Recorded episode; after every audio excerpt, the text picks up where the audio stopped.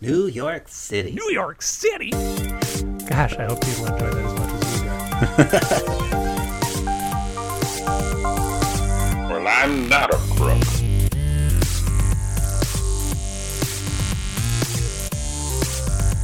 But because they are hot. Welcome to Presidential Deathmatch, the only presidential debates that matter. On today's program, volunteers for better pay. We're doing better than Dallas, and Santa Ana, Santa, and Carlos Santana walk into a bar.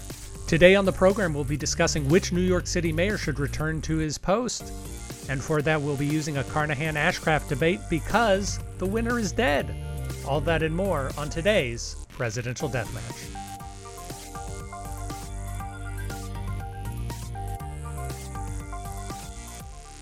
We guarantee that you have your that you will get your tickets the day before the game. And I was like, okay, well, We if you, promise. if you guarantee. Sincerely, nobody from nowhere. So what I was going to say is that although I, I don't pretend to understand too many rankings in sports, usually you can look at win-loss ratios in most American sports, although I know that certain soccer leagues have goals for and against as a more important measure. So hmm. outside of tournaments, it's not always important whether you win or lose a game. It's how many goals did you score, how many goals were scored against you, and we're going to total that up at the end of the day. Which, uh, which all of that is to say that Austin has more quote unquote points than Dallas, but Dallas is more likely to get into the playoffs currently, and I think that might be a division thing. But Houston is better than all of them, uh, so I'm I'm quite happy. I like the Dynamo. Dynamo's great. Well, Dennis, we are uh, season three, still still cooking, still in the toaster oven. Ding ding ding ding. Hasn't dinged yet Yes. to tell us that it's ready.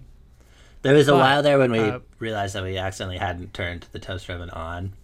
Yeah, it was unplugged. Yeah, it was very embarrassing. We had guests over, and we said, "No, no, the, the season three is going to come out any minute now. It's just it's still a little doughy. We don't know why." Uh oh, I put, didn't turn it on. I put my bare hand in there and it was fine. I'm still trying to figure out why. So, uh, but it turns out, Dennis, I, I didn't know if you knew that we apparently have a lot more fans in New York City than than I thought, because New York City is celebrating uh, my anniversary, my wedding anniversary, as well as your birthday, which is today as we release this, Yes. by holding uh, their primary for mayor, which Yes. is essentially electing their mayor based on the the voting patterns of the city. So thank you, New York City, for celebrating and honoring presidential deathmatch, as well as Dennis, myself, and uh, to a lesser extent, my wife, by, by holding your primary on today, June 22nd. Woo! So we thought we would celebrate this auspicious occasion by talking about New York City Mayor's Race 2021, because that's all I'm reading about. It's super annoying to read about other places' mayor's races. Yes, it's a, well, it's very fitting to a conversation that we had in our last episode, our other interstitial episode, about uh, New York being uh, the center of the universe. Yeah, yeah. Except it's it's not. No. Just come on, New York. Anyway, I'm gonna have to argue for for New York being really important this this episode, which I'm not happy about. I'm fine with it. This is all part of the show. But Dennis, before we do that, let's go to the polls. You know, I thought maybe let's wait until season three to reveal the results at the end of season two, but why not? Let's just go to the polls.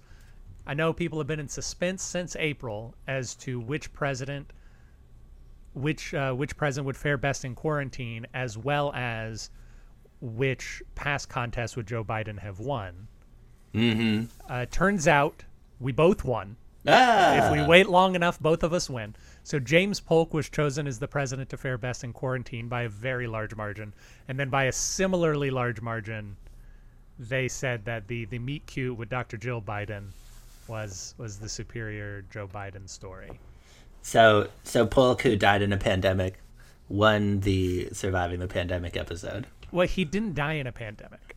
He died of cholera. It was it was it was kind of a ten thousand year outbreak. and then I won the other one. You said Yes, Dr. Jill Biden. ah, Dr. Jill. Cute. Yeah. which I, I have more to talk about in retraction, so I don't want to mediate it on it too long. Let us instead talk about the men, because we're still just talking about men today. It's really great. talk about the men that we're talking about today. So, Dennis, New York City, all cities in America York 2021. New York City. Did y'all have that commercial in, in New York when, when you were growing up? Pace, the Pace Picante sauce? Oh, I think so. Yeah. I love that commercial. That guy's over there is a man who gets his picante sauce from New York City. New York City? That's interesting that they made a ad that is a mockery of Texans mocking New York, and that we both remember it positively. I wouldn't say that it was mocking Texans. That's not the feeling I got. You know, these are rough and tumble cattlemen, Dennis, who are doing their best for themselves and their families. They're hardy, they're rugged, they're dusty, but hey, that's just the trail, you know. Eh, yeah, I guess it, it it came from truth, and they they they got to the heart of those human beings in that ad. Satire came only second. Commercials, I always say, best place to find truth Yes, is in advertising. The Geico Gecko, Flo, Yeah. Flo. who exists. I've really been enjoying Flo and her friends on Hulu. Uh, Progressive is a real big. Both Progressive and Liberty Mutual are really going to war on the Hulu platform, and I'm reaping all the benefits. I saw Flo once in a, in a show. She is she's one of the great improvisers of of all living humans. yeah, yeah, a lot of people. I was talking. Uh, we we recently had a bit of a party in a park here in Houston, and there's a very young woman. I don't know specifically her age, but she's probably a little older than me, but not too much older than me. and she was complaining because she got a call back to a Pillsbury Doughboy commercial, which she was happy about, but she was playing the mother of a young boy in it, and she's like, "What is this? Where I am now?" and then our friend Ruth McCleskey, you remember Ruth? Yeah. Uh, she's in her forties. She's been called in for grandmother roles. Oh no. she would be good at that, though. To be fair, Yeah, she would. I I, I cast her as a grandmother. you you cast her as a grandmother in something I wrote once. This is true. Anyhow, uh, we're getting uh, too bogged down when we're supposed to talk about people here. Let's save all this for retractions in just a moment. But uh, what we're talking about today, a lot of cities across the United States are facing really tense, really tense problems due to the ongoing economic problems resulting from the COVID pandemic. And New York City is not lacking in that. We're going to certainly talk a lot about that. But we want to ask if New York City could open up the Necronomicon, summon forth a mayor from their past to take the reins once again, the once and future mayor of New York City, who would that be? And Dennis, you have chosen. Richard Varick. And Who- Richard Varick, of course, every everybody knows Richard Varick uh, Yeah. But if you could just give us a few Yeah, I know. During the president's season, I made we made sure to like give a quick refresher. But obviously, for Richard Varick, Richard really Varick. necessary. It's almost insulting to to tell the Yes. audience about who Richard Varick is, but uh, but let's do it anyway. So he he uh he was referred to as the forgotten founding father, and it says that on Wikipedia. But it's funny because he was mayor while John Jay was governor. John Jay, of course, often referred to as the forgotten founding father. So I feel like it's a little bit of an overused. I, it But sounds yeah, like but- everyone in New York was like, "Hey, like I really Yeah. helped out. I don't know why we're Yeah. celebrating these these people in Philadelphia and Boston so much." Yeah, it's like Hamilton's kind of about that. Hamilton, not forgotten, but kind of forgotten. Eliza Hamilton, the forgotten founding.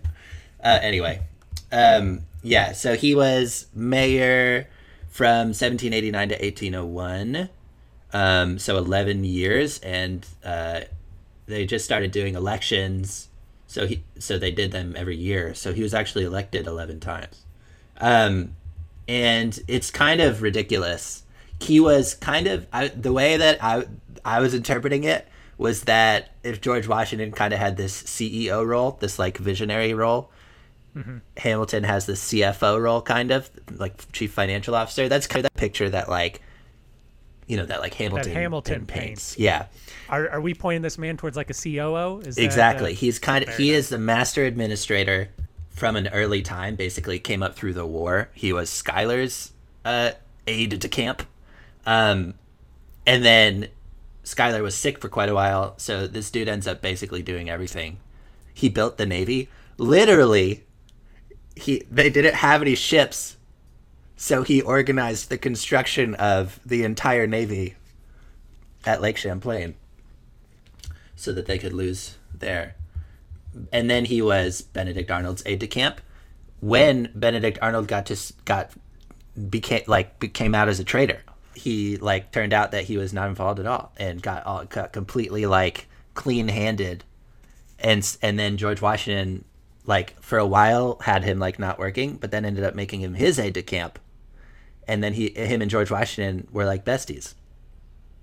Um, and so that was kind of how he came up through um, but he was a lawyer and stuff as well. So then when we have this new government and, and everything, 1789, he becomes mayor and he builds New York law. He builds um, New York government. He uh, founds Jersey City. uh, I will forgive him for that. Yeah, there, and there's this one funny thing in here uh, where he like he ended up at one point becoming just effectively every role. Like, and he was like, "You guys, I can't just be doing like all of these roles. I'm attorney general. I'm um, I'm like writing all the laws." And they're like, "No, no, I think it's good because like, because like you'll just get it all set up. Get it? Yeah, yeah, it's good for you to have like, it's good for us to just have someone we trust just do everything." and then later we'll like come back and we'll yeah we'll have other people do these things so yeah so that's him i the reason i chose him at first is because i was just looking at people that i thought i might be related to because their ancestors came over as part of the dutch east india company um, but yeah he turned out to be really interesting so that's richard varick for you richard varick i'm sure we will look forward to hearing more about him i have in a surprising move, Dennis has chosen the the somewhat more obscure candidate because I have chosen Fiel, uh, Fiorello LaGuardia. It took me two oh. tries to get through that. One of the most famous mayors in New York history. I don't know how many people know that he was a mayor. Like I don't know. I, am sure people know LaGuardia, but I don't know if people would say LaGuardia. Yeah, that's a mayor. But uh, Fiorello LaGuardia was born in New York City, but he was raised in Arizona. So that's interesting. He's a bit of a transplant. His mother was Jewish. His father was an Italian Catholic, and he was raised Episcopalian. they were like, let's just average it out. yeah, let's figure it out. You know, no need to to sandbag this kid too much. But he was a really brilliant policy guy and, and broadcaster. I think that's what he came up through. He ran for Congress prior to running for mayor. He ran for mayor and lost in in 1930, and then he ran for mayor again in 1932 at the height of the Depression, and he he did that. So he was the mayor of New York. He was the FDR of New York City because he was the mayor of New York from 1934 to 1945. So throughout uh, the Great Depression, onto the beginning of World War II, and uh, obviously is an airport named after him. So so he did a lot of cool stuff. I'm going to talk about a lot of the neat things that he did. One of the most interesting things about LaGuardia, besides the fact that he successfully ran this city during the Great Depression, is that he focused a lot on infrastructure. And so a lot of the bridges and buildings and, and things that he helped establish are still around. But he also did a lot of cross party advocacy. So he was, uh, despite the fact that he was a Republican, he strongly advocated for FDR's New Deal policy, which helped New York get some of that sweet New Deal money to build those bridges with. And Fiorello LaGuardia was uh, very much against Tammany Hall and political machines, which warms the cockles of my heart. Also, Dennis, you may not know this. I own the reason why I chose LaGuardia is because I own a musical based off of his life, Fiorello, or Fiorello is the name of the musical. But uh, it is a musical that is made by Bock Hardin, Sheldon Bock, and, and Leonard Hardin, I think is his name, one of mm. the hmm. few musicals to win the Pulitzer Prize. Those guys, Bock Hardin, they wrote another because you know musicals. So you might have heard of this other musical that they wrote um, called Fiddler on the Roof. You're talking to a, a bottle boy. Oh. So don't even. Well, that's Fiorello, and I'm sure that we will relish the fight between Fiorello and Mr. Varick shortly. But before that, Dennis, it's been a long time, but I see some candles up in the Old North Church that tell us it's time to ride out and tell the people that retractions are coming. By Retractions are coming. podcast. Retractions are coming by Retractions podcast. It was So- interesting to read about all the Dutch pre-colonial, like our pre-revolution mayors, because most of them, being the wealthy of the time, like defected to Canada after the revolution. So they're all terrible people. I was like, I don't like any of these people. Ah. You find that when you look through history. It's funny how history doesn't share modern values. Uh, it's, I it's know. almost as though society is an ever-changing organism that Yeah. continues to make certain th- uh, one things once acceptable not acceptable and things once not acceptable acceptable. It's uh, it's maddening. I, I won't get into the this other thing I was reading about with one of Varick's ancestors. Uh, that was a major disappointment. Well, we'll put it out on the Patreon. There, yeah, we, okay. uh, note we still do not have a Patreon, but if you go to the Patreon, subscribe at the non-existent level, you can hear a three-hour conversation that Dennis and I have already recorded about about Varick's ancestor. So, Dennis, our last episode, which of course was our our 100 days special, featured the voices of many of the guests that we've had over the past year of doing the podcast. It's very exciting to hear them and have them chime in on what they thought Biden was up to. yeah, Some of these people got their clips to us a little late. okay. I but I still put them in the episode. But that means that you and I didn't hear what they had to say before we we did our episode. So Ty Buddy, Ty Buddy, and uh, yeah, Ty and Rye talked about how they thought Biden was the most Hollywood of presidents, and I thought that was particularly apropos because the two of us also talked about how he was a very Hollywood president, and we started defaulting to Hollywood storylines for the meet cute, and I can't even remember what what I was arguing for in that particular episode. But but we both we both talked about the cinematic nature of Biden Yeah, Biden's candidacy. And I thought that was interesting that Ty picked up that same idea and surely had we heard it before we recorded it, we would have drawn a parallel with Ty. So Yes. Ty, thank you for that. Thank you for being on theme with us. yes. There you go. There you have it. Living in Hollywood, in La La Land. You know, it's funny. It wasn't until I started living in Hollywood that I began to appreciate how Hollywood really is the most important place in the world. We could do. We'll we'll do a special episode for the L.A. mayoral race I don't on June twenty second, two 2022. thousand twenty something. It's Eric Garcetti, right? Eric Garcetti is the current mayor of Los Angeles. I think he's got that. I think he's got that locked up. Yeah, Eric Garcetti's mayor of Los Angeles. I don't think uh, that he is term limited at all. But No idea. but no matter. We'll check in on that later. Dennis, you may recall when we were talking to our close personal friend Andrew Heaton. Mm-hmm. How it's never good when Texas shows up in the news because news organizations really have it out for Texas. Yes, because they're all in New York. yeah, because they're in New York and California, the two most important places on earth.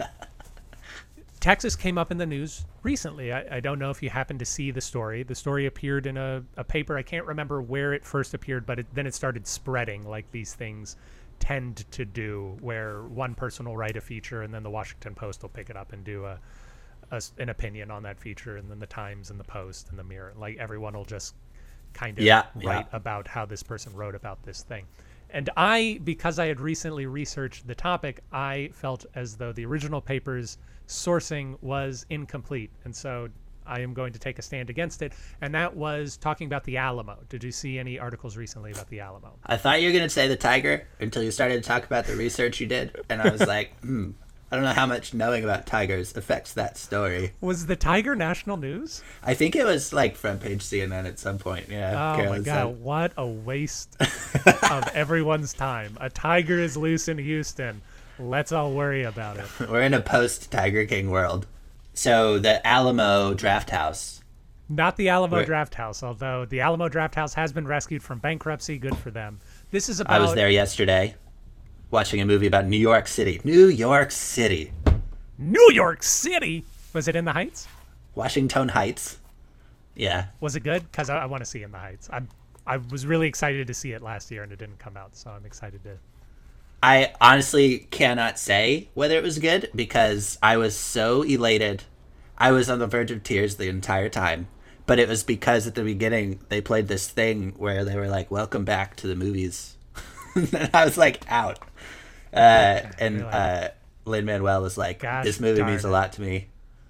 Thank you for coming to the movies to see it." I was like, "You're freaking welcome." So yeah, I loved it. I thought it was great. God, now I'm gonna have to go and see it in a theater. I don't like going to the theater, uh, personally. I'm not a big fan of going to the theater. So, okay, well now I have to decide whether this is a moral choice or not. um, yeah, I thought it was. Yeah, I mean, I, the, it's like there was a few moments that Carolyn and I thought was for was written for the stage, um, and sometimes they were like, let's just do the stage version of this, and other times they were like, let's make it cinematic, and then I felt like they could have done like more in that direction, but I thought it was really great. Excellent. Well, I hope to see it soon and then report back. But I've got to move first. But Dennis, let us focus because we're already we're already spending too much time on, uh, before we get to our main topic. So basically, there was an article about the Alamo recently, and they were talking about how the story that we tell about the Alamo is incorrect because there is a lot of self-flagellation going on in the media right now because everybody wants to feel guilty about the past, which I personally think is an unhelpful thing to do. if you think there's something wrong with the present, we can work on fixing it, but it really doesn't help anybody to to get real tearful about the past because they're all dead now. But uh, but they were talking about how well we really shouldn't pat ourselves on the back about about the Alamo in Texas and how it was such a how it was such a good powerful uh, thing because well you know Mexico opened up Texas for American settling uh, Americans to settle in the area and then they did. And then um, all Mexico wanted them to do was follow the laws and Americans didn't want to follow the laws and they decided to revolt and they took the land from the Mexicans. And that's and that's really bad guys. We shouldn't do that. And that's not what happened because I did just recently because I, I had a friend say, "Yeah, I'm pretty sure y'all stole Texas." I said, "I don't. I took two years of Texas history. I'm pretty sure that's not true. Let me go back and do some research." Mm, I'm ready. I'm So- excited. Dennis, do you remember January sixth, 2021? January sixth, 2021, the, there there was a an attack on There the was Capitol. there was an was attack on the. Capitol. Uh, let's let's save the word coup for when coup is warranted. I think it's the word they that very sophisticated group was using. I see. Uh, nous allons coup d'état, coup d'état. So, Dennis, let us assume for a moment that the actions of January 6, 2021 uh, were successful in some form or fashion. They stopped the, the counting of the election, and Donald Trump installed some form of military dictatorship in America. Okay? And then let's say that the state of Colorado, or any state, decided to then rebel against that government, the the military dictatorship of Donald Trump, following uh, following this universe. That is what happened with Texas. Oh, okay. So yes, it is true that Santa Anna was uh, was Not in charge of the Mexican. Santana. No, or Santa Claus. I learned about Santa Claus in my readings. I'll save that for the Patreon. Please do. Because uh, yes, they call him president. They also call him general. Do you know why they call him general? Because he was a general who took over the Mexican government through military force as opposed to through an election. He took over the presidency of Mexico, and then when he did that, four Mexican states, including Texas, all declared open rebellion on him. And then the Mexican government began to fight wars to keep all four of those states within the municipality of Mexico, and the Texas war failed, partially because of America, uh, the United States of America's intervention. But it is an act of ignorance, I would say, uh, and willful ignorance to say it, it is Americans came in and took Texas away. What happened was Americans came in under a deal and then a war broke out, and they said, "Well, we don't want to be part of this anymore," and that's why they fought to to take um, to make Texas independent. And I thought it's a matter of share that. perspective. Yeah. It's like like I guess yeah, I mean every revolution is a matter of perspective. It was such a it was such a like like people were people didn't believe that they were all equal. They were trying to kill other people and take their land constantly. I don't know. Yes, yes, but that's that probably happened. Technically, that's what Russia was doing with Georgia back when I was in college. Mm.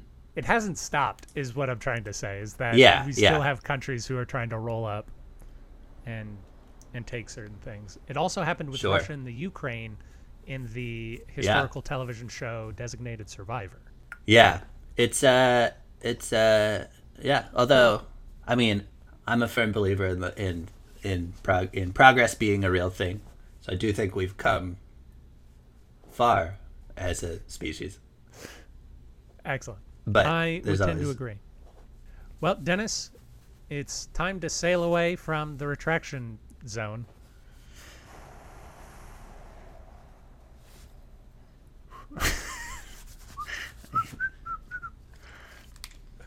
Oh, we Never could have mind, done false better on that sound effects. Yeah, someone is just lighting candles because that's the only way to see at night. mm, that's the way to see at night.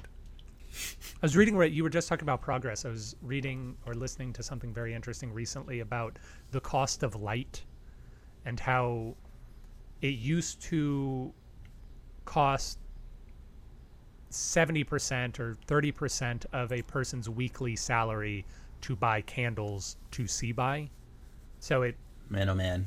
it costs so much of your salary for light and now light is is nothing it's it's a negligible part of almost anybody's in america almost anybody in america's Yeah, uh, budget line yeah, yeah. I remember Matt Schleif, a mutual acquaintance of ours, who was a theater guy at Rice University. He uh, he got really emotional talking about like what LEDs did Yeah. for theater, um, and for the world. But like yeah because they theater. brought the cost down so much Yeah, i mean honestly honestly the amount of power that it takes to run a giant theater like the alley or, or a broadway stage it, it's astounding how much electricity is being spent on light there and, and what leds can do it, it definitely makes things more accessible I'm Yeah. sorry that we stumbled upon this conversation because I like it a lot, and I have to say, let's move on. But let's move on to talk about the New York City mayoral election. Dennis, I've been doing a lot of research on the current New York City mayoral election. Well a lot of that's good. Say about it, and I had assumed that maybe you didn't. So I want to ask you, what can you tell us about the New York City mayor election right now? Okay, yeah, I, I very briefly was reading about it. It was talking about how there's a lot of concern. Well, not concern, I guess, but they're they're thinking that because it's divided among so many in the Democratic primary, that it'll end up being a moderate who takes the lead. And AOC is pushing for someone named Maya Maya Wiley. Maya Wiley, and uh, then we got Andrew Yang, who is a freaking meme, and he's running as well, uh, and very likely gonna gonna win. He's No, uh, that is that is not true. that's but false? will- Okay. that is false. We will we'll swing back around to that idea. he's a he's a he's cool though. I guess it's maybe rude to say he's a meme, but he uh, he ran for president as well, and uh, he believes very firmly in universal basic income, and he has a lot of business background and everything like that. Uh, so it, very interesting ideas, and uh, yeah, he was on Z-Way. Is that Whole the thing. so far? What is that the whole of your knowledge? Do you know anything else about the New York mayor's race currently? Let's see. Yeah, I think that's it. Yeah, it's, it's very divided. That's true. All right, I'm gonna have It's, to. uh, I've got a lot to clue you in on then, which is exciting. I guess I guess the last thing I'll throw out there is that there was just much talk about it being like a lot of weight is being put on it for like defining the level of socialism that the country is going to be comfortable with in the next chapter. But then the article at the end was kind of like, yeah, we're not. so Yeah, it, like, they you know they need to write things that get clicks, and it's hard to it's hard to get people really interested in an article that says, "Hey, you can elect a mayor. That mayor still has to work within a city council system. Even if they do successfully work within that city council system, it's not as though the uh, the state still sets the uh, rate that they can tax at. So it's not as though the state can massively increase its tax base uh, unilaterally, and even then among that." Uh, it is only one city in one state in the whole of America. So honestly, not a whole lot's going to change unless you live there, and even then, probably not. So I don't know. That that's not the sort of article that that people really get into. It's New York City, though, Aaron. Yeah. Home of Washington Heights. Da, da, da. So Dennis, you say that they uh, they're assuming that such a divided field is going to make uh, a moderate take the the mayorality, which isn't entirely accurate because, and this is very exciting, the primary system in New York this year is going to use ranked choice voting for the first time ever. What that means is that a person has to get at least 51% or at least 50% plus one of the vote in order to win the election. Which subsequently means it doesn't matter if there is one moderate running and an infinite number of progressive candidates running. It'll it'll drop down until somebody takes a majority, which means that if the majority of Democratic primary voters, it's a very complex group there, but if the majority of Democratic primary voters in New York City want a progressive for mayor, they will get it, regardless of hmm. how many are running. And it's also very likely that this is going to be the first election in uh, the first major election in modern American history or any American history where ranked choice voting is going to play a major role in who becomes the victor. In 2018, Maine, which was the first state to institute ranked choice voting across uh, for for national elections, Maine became the first state for the plurality winner of an election to not become the actual winner due to the ranked choice ballots. Oh, interesting. That's fun.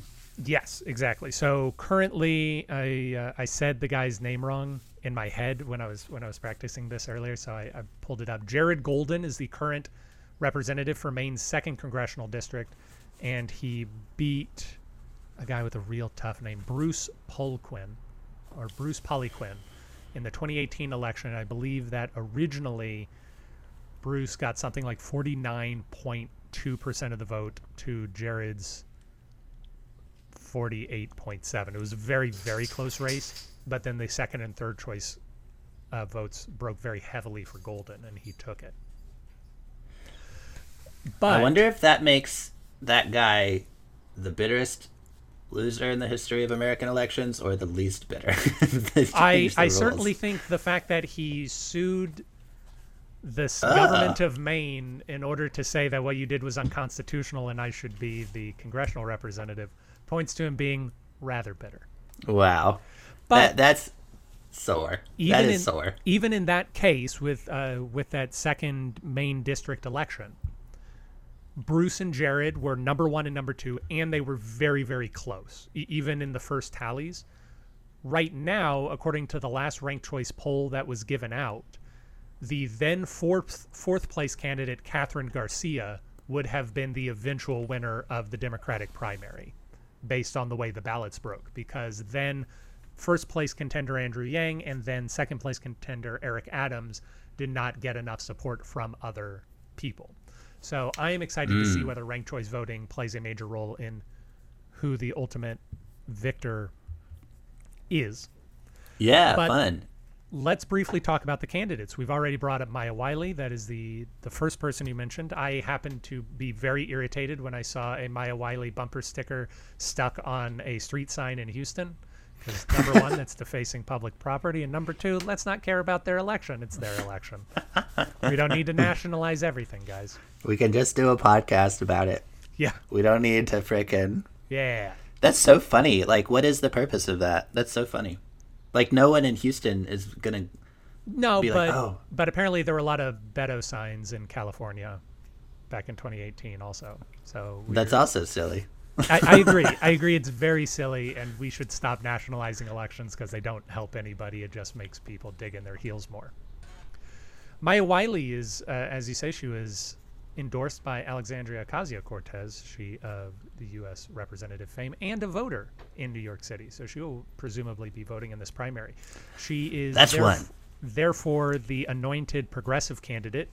There were two other progressive candidates, Scott, Scott Stringer and Dianne Morales. Both of them had some problems last month. I don't know if you heard about that. Actually, he didn't because he didn't bring up their names at all. But Scott Stringer was originally one of the the front runners, uh, but then he was accused of sexual harassment.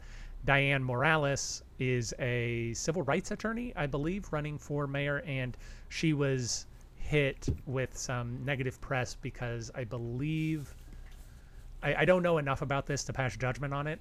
I know that her campaign staff was trying to unionize. Some of the people who were trying to unionize got fired. Whether that's connected, I don't know, and I'm not going to speculate on it. Just But- saying. But people got very upset, and a lot of her, a lot of her volunteers started to protest against her at her office because she wasn't paying enough people. So, so Volunteers. well, volunteers as well as paid staff. It's it's a complicated Right, thing, and I don't want to get into the whole thing. But yes, basically what happened. I do love the idea of volunteers coming out in hordes to protest a failed unionization. Yeah, This is But- bull. We work for free. We want to work for free. we, can stop anytime. better hours. But but uh, basically the idea is Scott Stringer's campaign imploded because or didn't implode. Scott Stringer's campaign had sexual harassment allegations. Dianne Morales' campaign imploded because of labor problems, leaving Maya Wiley as the endorsed progressive candidate for New York City.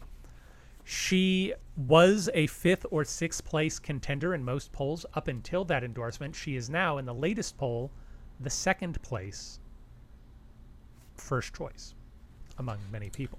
So that demonstrates the power of um, Representative Ocasio Cortez's endorsement. Yeah. Andrew Yang, So- who you brought up. Go ahead. Well, I was just gonna say quickly. So I, I feel you're you're like a fan of this ranked choice situation. I imagine. Yes. Yes, I am. Big, Most big- nerds are. Yeah. Yeah, I also think it's fun, and it seems seems like kind of obvious. Yeah, So, yeah, I can Andrew see why we wouldn't have had it up until now because I think paper it it's a challenging thing to do by hand. Not Yeah, yeah. impossible by any means, but it's a challenging thing to do by hand. Once you have computers though, it becomes very simple. It's like in the future we'll be like, why don't we just read everyone's mind and then just like know who they want? why would we even do it that way? That's very Andrew Yang was the front runner for most of the year. He has dropped back to third in the first choice polls um, Oh. lately. He ran quite surprisingly successfully for Democratic President of the United States back in 2020. Uh, dropped out around New Hampshire, if I'm not mistaken, and he uh, he's a wealthy businessman has ideas about automation, although that's not what he's been talking about on the trail, where he's been mostly focused about Asian American issues. Uh, for indeed, he is one, and there's talk about that in the country lately. Eric Adams is currently the front runner in most polls. A name Dennis doesn't know, but Eric Adams is the president of Brooklyn. I'm gonna double, I'm gonna double check that really quick. President of Brooklyn. He might be president of the Bronx. No, Brooklyn. He is president of Brooklyn, and despite being a Democrat, he is running a very tough on crime stance. I believe he used to be a a uh, police precinct captain or something of that ilk. He he was in law enforcement, and one of the main things that he's talking about is the rise in crime in the city and how we need to get crime down, which is very much against uh, the progressive message in Maya Wiley. Eric Adams is which a, is why do we have police? yes. Uh, Yeah, you know, it's kind of the Dennis and I have Yeah. uh, spoken about this earlier today. My car got broken into earlier. That's probably why we have police. yeah. I would rather not Yeah. my car get broken into and you know have to deal with my uh, the interior getting screwed up and paying for this window and taking time out of my day, losing a whole lot of things. I think the police are useful. we could probably look at reform. I think the police are useful, but uh, Eric Adams is taking very hard stance on on law and order. uh, although I think that he's got other issues. And then I brought up Kathryn Garcia earlier. She is, without knowing a whole lot, because again, I don't really care about this race, without knowing a whole lot, uh, I, I do like Kathryn Garcia quite a bit. She is the person who, in the latest ranked choice voting polls, seems to be the eventual winner as of a few weeks ago. She uh, endorsed charter schools, which had progressives call her out for that. Which uh, Dennis, I don't know if you know that I went to a charter school, but I did. So I, I do really like charter schools as well, and it's not. You're not going to make a friend out of me by calling charter schools evil. I don't, yeah, I don't think I did know that. Oh yes, no, I went to a charter school. I was both. I remember last year, 2020 uh, election, there was a school board open for Texas, which you probably voted for without realizing it, or maybe you didn't vote for it at all. But there was a school board position open, and I was looking through all of the comments, and the Democratic candidate specifically said, if I'm elected, I will reject all charter school applications and try and make it harder for people to homeschool. I said, well, that's not for me then, since I was homeschooled for a long time and I like charter schools. I wish you the best of luck, but you, Yeah. you had an easy get in me and you dropped the ball on it. In any case, Kathryn Garcia's current Health and Human Services head of New York City. So she currently works in Mayor Bill de Blasio's administration. She currently is sandbagged by by some associations with Bill de Blasio and what many consider to be a not successful mayorship. Which lets us segue into what challenges is New York City facing at the moment. Dennis, do you want to guess at any of them? Why are these people fighting? What will we grab onto in our debate?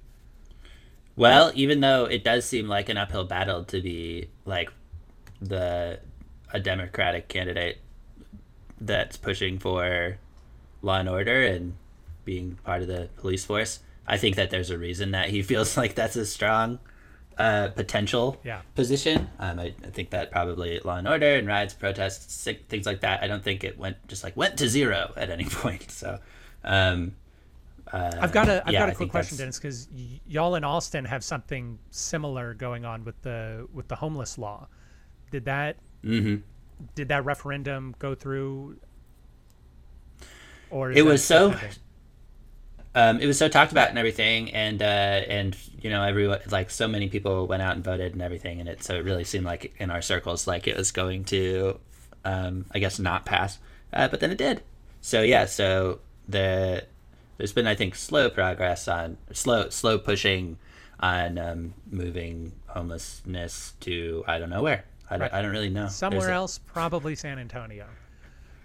Yeah. So But that's another example of there's there's this idea that people should be able to live and people should be able to exist and these are public lands and people should be able to be on the public lands. And I and to that I would say yes, that seems like a great idea. And then once you open the floodgates of it, then it seems as though a lot of problems happen and crime begins to come in and it it becomes difficult to use these public lands for anybody else because there's a whole bunch of tent cities on there and and I think that's what Eric Adams is is trying to to talk about is that we may or may not have problems with law enforcement right now but law enforcement needs to exist I think he's taking it too far uh, you have not read some of his rhetoric but a lot of his rhetoric is, is very extreme and in a way that I find uncomfortable It's interesting. I feel like it, yeah, that's interesting. Yeah, um, but yeah, but yeah, like you like we said, that's a problem. There's still economic issues. I feel like there's still probably some people, some some talk about trying to clean up the government. Some of like people that are shouldn't that are bad actors. I don't know if that's one of the main things really. Um, but yeah, making money for the city, getting Broadway figured out. um, it's a big one although that's pretty figured that's out. That's how you get the Aaron Garrett vote yeah. bring Broadway back. But you're right. We're switching to all LEDs. Unemployment is a major issue. The city's population declined during COVID. That is bad for the tax base, and that is bad for the myth of New York City as well, and the story that New Yorkers tell themselves. New York City. New York City. Gosh, I hope people enjoy that as much as we do. but those are just some of the issues that a mayor is going to have to face. And much like Joe Biden coming in to America, it's going to be an uphill climb for whatever mayor gets elected.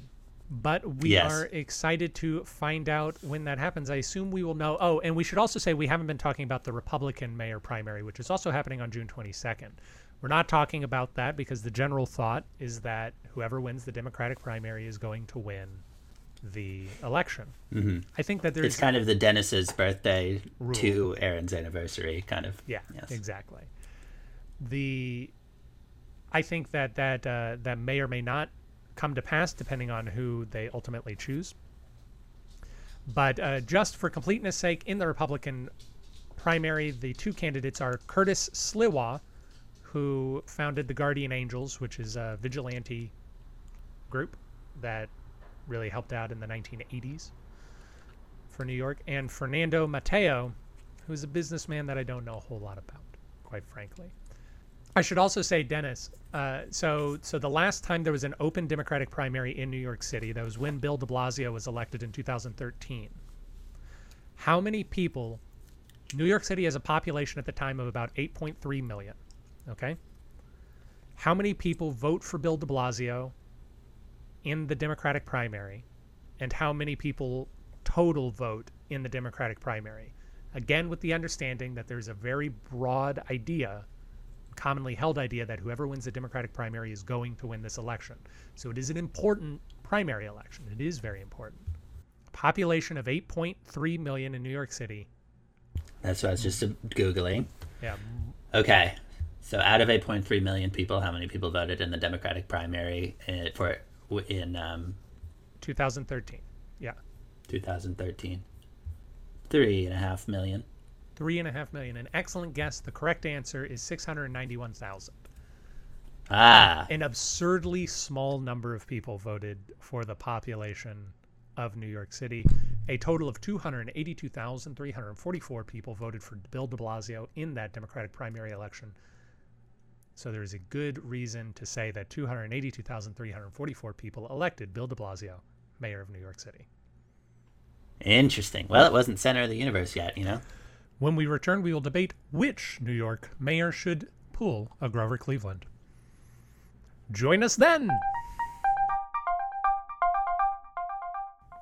And welcome back. While we were gone, Dennis and I had technical difficulties. Hmm. It was very exciting. Whoa. We are going to have a debate over which New York City former mayor should reclaim the throne once again.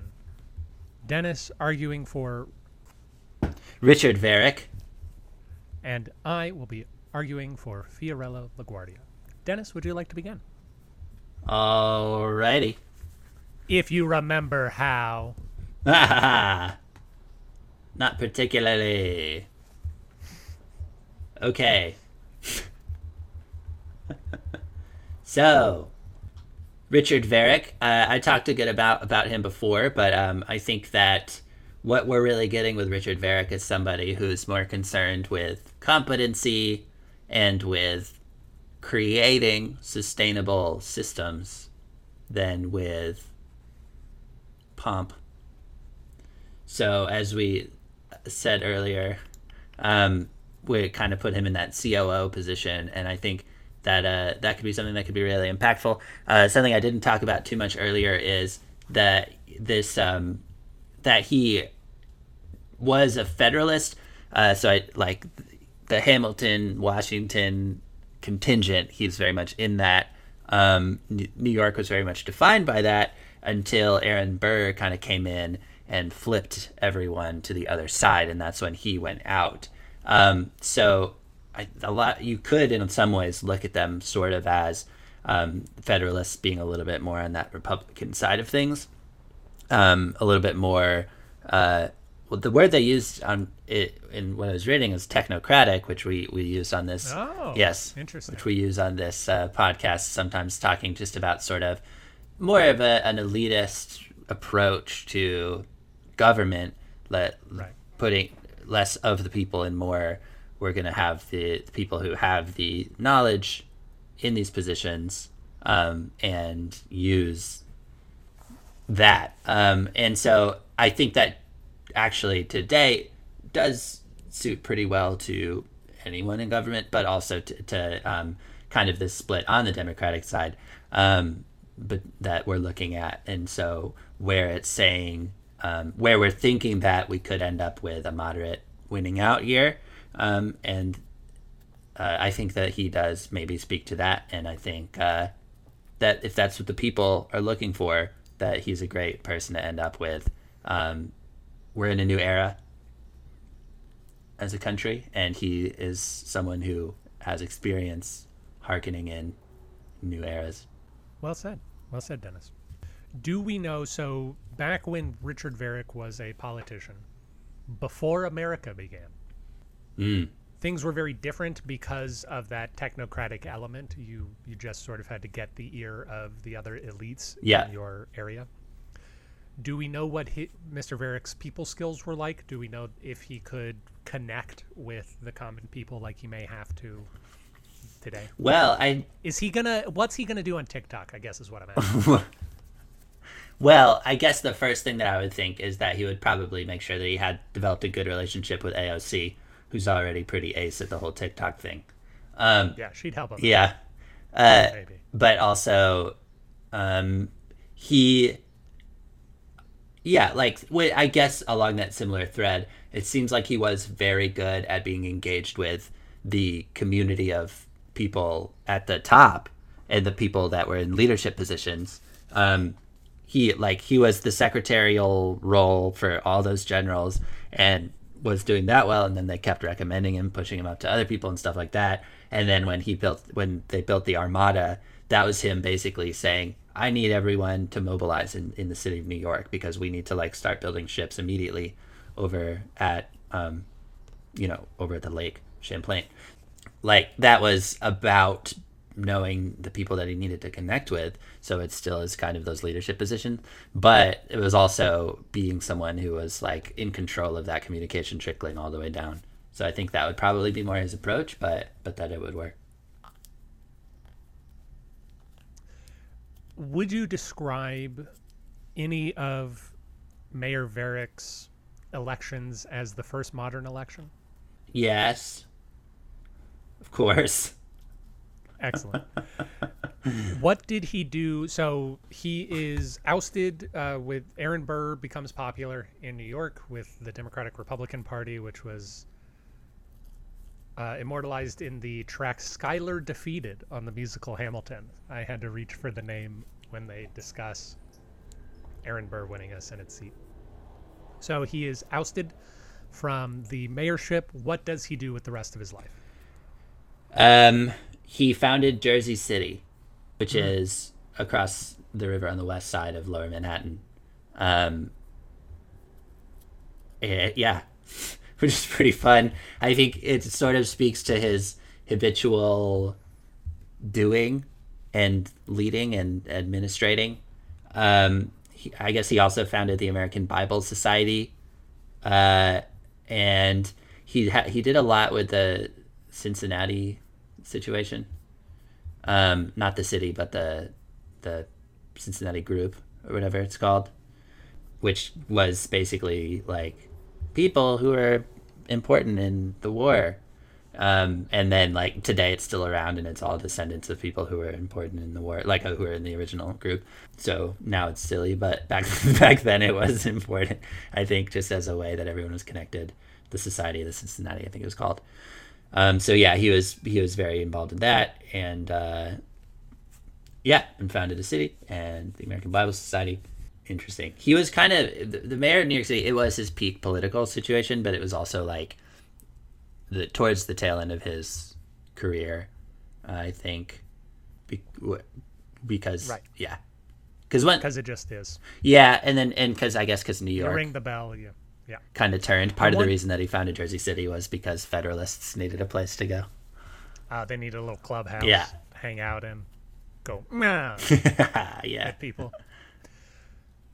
Before we leave, Mr. Varick, I wanted to point out I don't know that you ever said on the program that John Varick was, or Richard Varick, they're all named John, that Richard Varick was the 45th mayor of New York, Yes. and he first became mayor in uh, 1789, correct? Yes. To put that in perspective, the mayor of my town, Sylvester Turner, is the 62nd mayor of Houston. Steve Adler, the mayor of Austin, is the 58th mayor of Austin. Just to give you an idea of how what the longevity of New York City Yeah. is. Crazy. Yeah, that is nuts.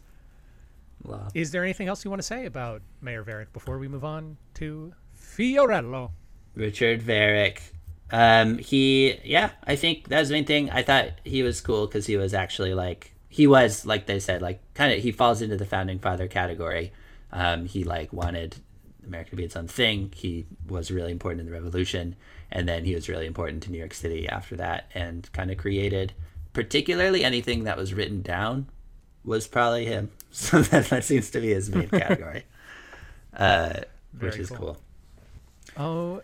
Okay, well, I am here to talk about Mayor LaGuardia. Now, I think it would be a little bit gauche in this debate contest to point to the many people who say that LaGuardia was the finest mayor that New York ever had, and potentially the best mayor that America's ever seen. Whoa. Let's just, indeed, but let us just take a look at what he faced while he was in office and consider whether that would be useful to a modern day New York City. When Fiorello LaGuardia took office in 1934, New York had a 33% unemployment rate. When he left office in 1944, I wanted to make sure that I said the three in that one correctly. Uh, when he left office, uh, the unemployment rate was right back where it was, uh, like a normal unemployment rate of like four four percent. When LaGuardia takes office in 1934, New York is in the midst of a massive economic downturn, which he helps turn around along with the, the help of the federal government. LaGuardia is known at the time as a very diverse candidate because he's Italian, which, you know, it's good to remind ourselves every so often that all of these things are made up. yes. And in general, LaGuardia comes in during a massive amount of public resentment. I, I think it's important to point out that LaGuardia lost in a landslide and then two years later beat that guy. It was the same race. He beat that guy that time.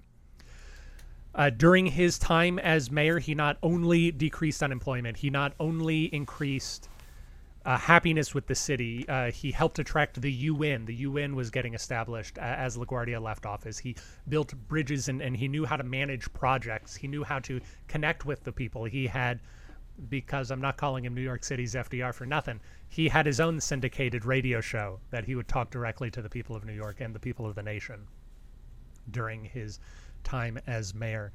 In general, he was a he was a people person first. He knew how to talk to people. He knew how to connect with people, and he knew how to connect with all people in his constituency. He's specifically noted for uh, connecting with not only Hispanic residents but Black residents and Jewish residents. When there was a even more Jewish animosity than there is today. Overall, he is well known and correctly known as an excellent administrator for the office. And I think that if New York had the option, they would really enjoy LaGuardia coming back for another crack at the bat. Was he the kind of guy who was like a shake everyone's hand in the street kind of thing? Yeah, yeah, for sure. And he was the first Italian mayor, I don't know if he was the first. but an early. There's a good chance he was the first one, but he Italians were looked down on Yeah, sure. at the time. I guess that part of the New York City fabric really started to come around only in like the late 1800s, early 1900s, which is crazy to think was like not that long before. I mean, eh, how old was he when he was mayor? Became mayor. 50, 50 to 63 or so. So was he? Yes, he was the first. I've looked it up now. He was the first Italian American mayor of New York City. Was did, was he the child of immigrants? He he was. His mother. I don't think his mother was an immigrant, but his father was an Italian immigrant. Cool. Oh, right, because uh, he was culturally half Jewish and half Catholic, Right. And all Episcopalian. and all Episcopalian. Cool. And and uh, yeah. So was how does he compare to?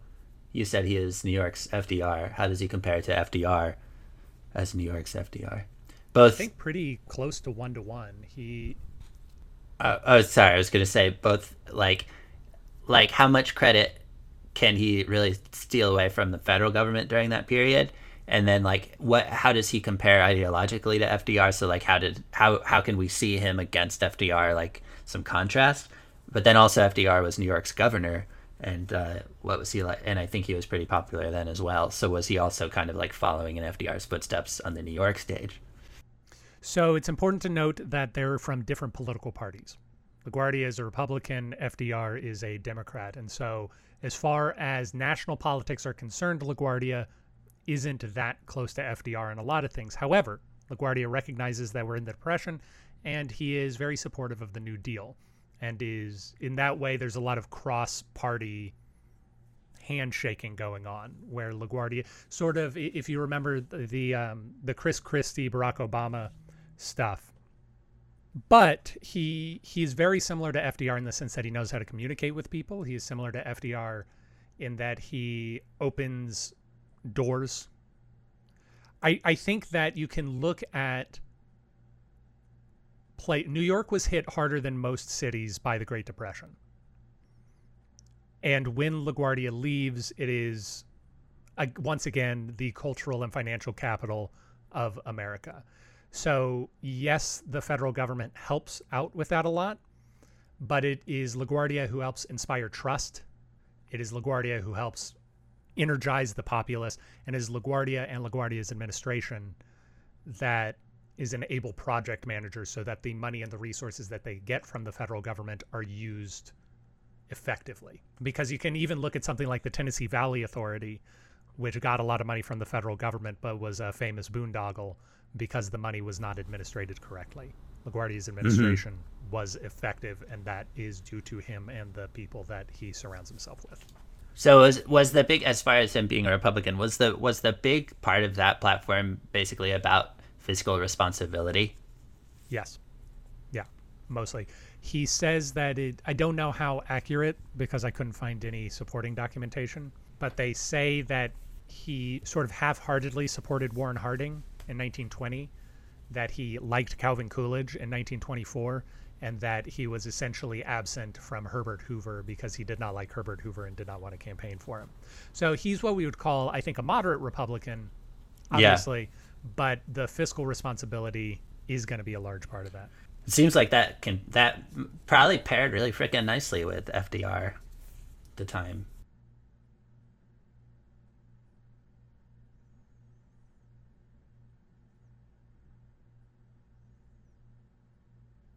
If he is a Republican?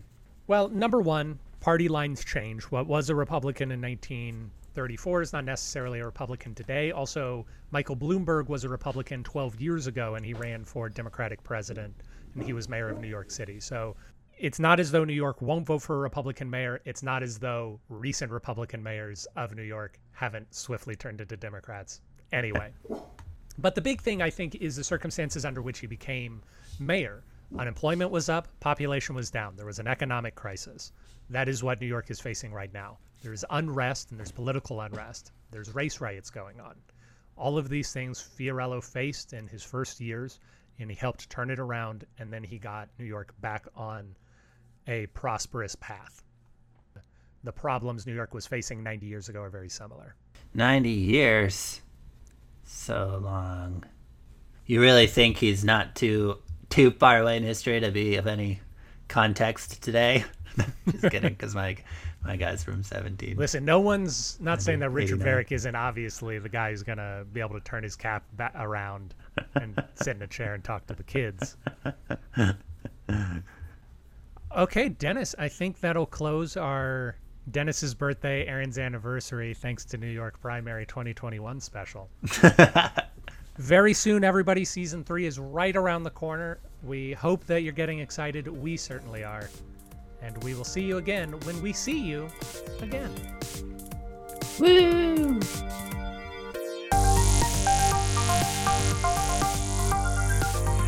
Thank you for listening to Presidential Deathmatch. Presidential Deathmatch is a production of Pronoia Theater. You can find more out about us at pronoiatheater.com. This program was edited by Aaron Garrett with music by Dennis Buddy and hosted by those same two lovable goofballs. You can always email us at contact at pronoiatheater.com. If you enjoyed the program, we ask that you rate and review wherever it is you found us. It really helps us out. And if you didn't like the program, why don't you stick around? We really grow on you.